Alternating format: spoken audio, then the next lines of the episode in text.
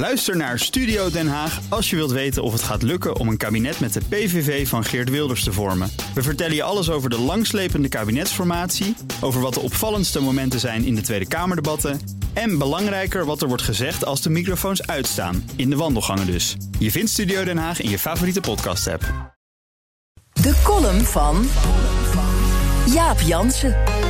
Met 50% van de kennis moeten we 100% van de besluiten nemen, zei premier Mark Rutte in week 1 van de coronacrisis. Inmiddels varen we al negen weken in de mist. Ik heb geen seconde getwijfeld over de regie. Alleen, een goede regisseur baseert zich wel op feiten, zei Rutte in zijn wekelijkse persconferentie. Maar zelfs feiten zijn er voor hem in soorten en maten. Scholen werden gesloten onder druk van de publieke opinie, niet omdat feitelijk was aangetoond dat dit het beste besluit was. Mondkapjes worden verplicht in het openbaar vervoer, terwijl deskundigen twijfelen over het nut. Maar, zei Rutte in een Lubriaanse redenering, als je niet alles weet, is dat ook een feit. En dan baseer je je dus nog steeds op feiten. Stap voor stap probeert Rutte de crisis te managen. Bij gebrek aan politieke strijd is Rutte's ster in deze negen weken tot grote hoogten gestegen. De waardering voor zijn VVD is volgens Ipsos van 5,2 in februari omhoog gegaan naar 6,7 eind april. De VVD is verder onzichtbaar, dus dit komt allemaal op het konto van Rutte. Hij is, zoals Wim Kok zichzelf ooit introduceerde, waarachtig de premier van alle Nederlanders geworden. De radicale nationalistische oppositie heeft moeite met het vinden van een koers. Plots gingen, hè, de grenzen dicht, maar riepen ze, let eens wat beter op hoe andere Europese landen het aanpakken. Eerst bepleiten ze een strenge lockdown.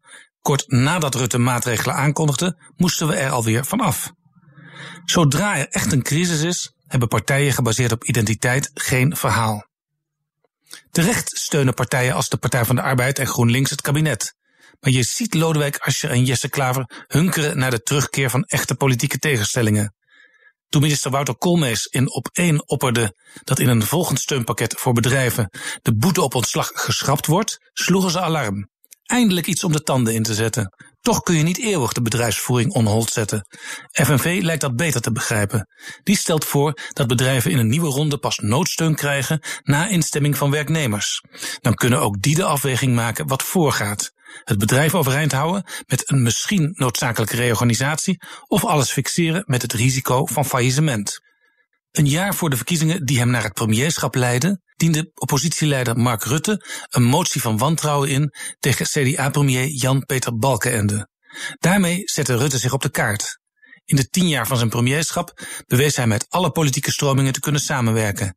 Inhoudelijk maakte dat iedereen een beetje blij, electoraal was het voor de meesten rampzalig. Over tien maanden zijn er weer verkiezingen. Een motie van wantrouwen vanuit het brede politieke midden zit er voorlopig niet in. Ik wil helemaal niet de baas spelen, dat ben ik ook helemaal niet, zei Rutte vorige week, bijna achterloos. Alle andere partijen hoorden het tandenknarsend aan. Columnist Jaap Jansen. Terugluisteren? Ga naar bnr.nl of de BNR-app. Ook Harm Edens vind je in de BNR-app. Je kunt BNR Duurzaam niet alleen live luisteren in de app, maar ook terugluisteren als podcast, zoals al onze podcasts. En naast dat de BNR-app Breaking News meldt, houden we je ook op de hoogte van het laatste zakelijke nieuws. Download nu de gratis BNR-app en blijf scherp.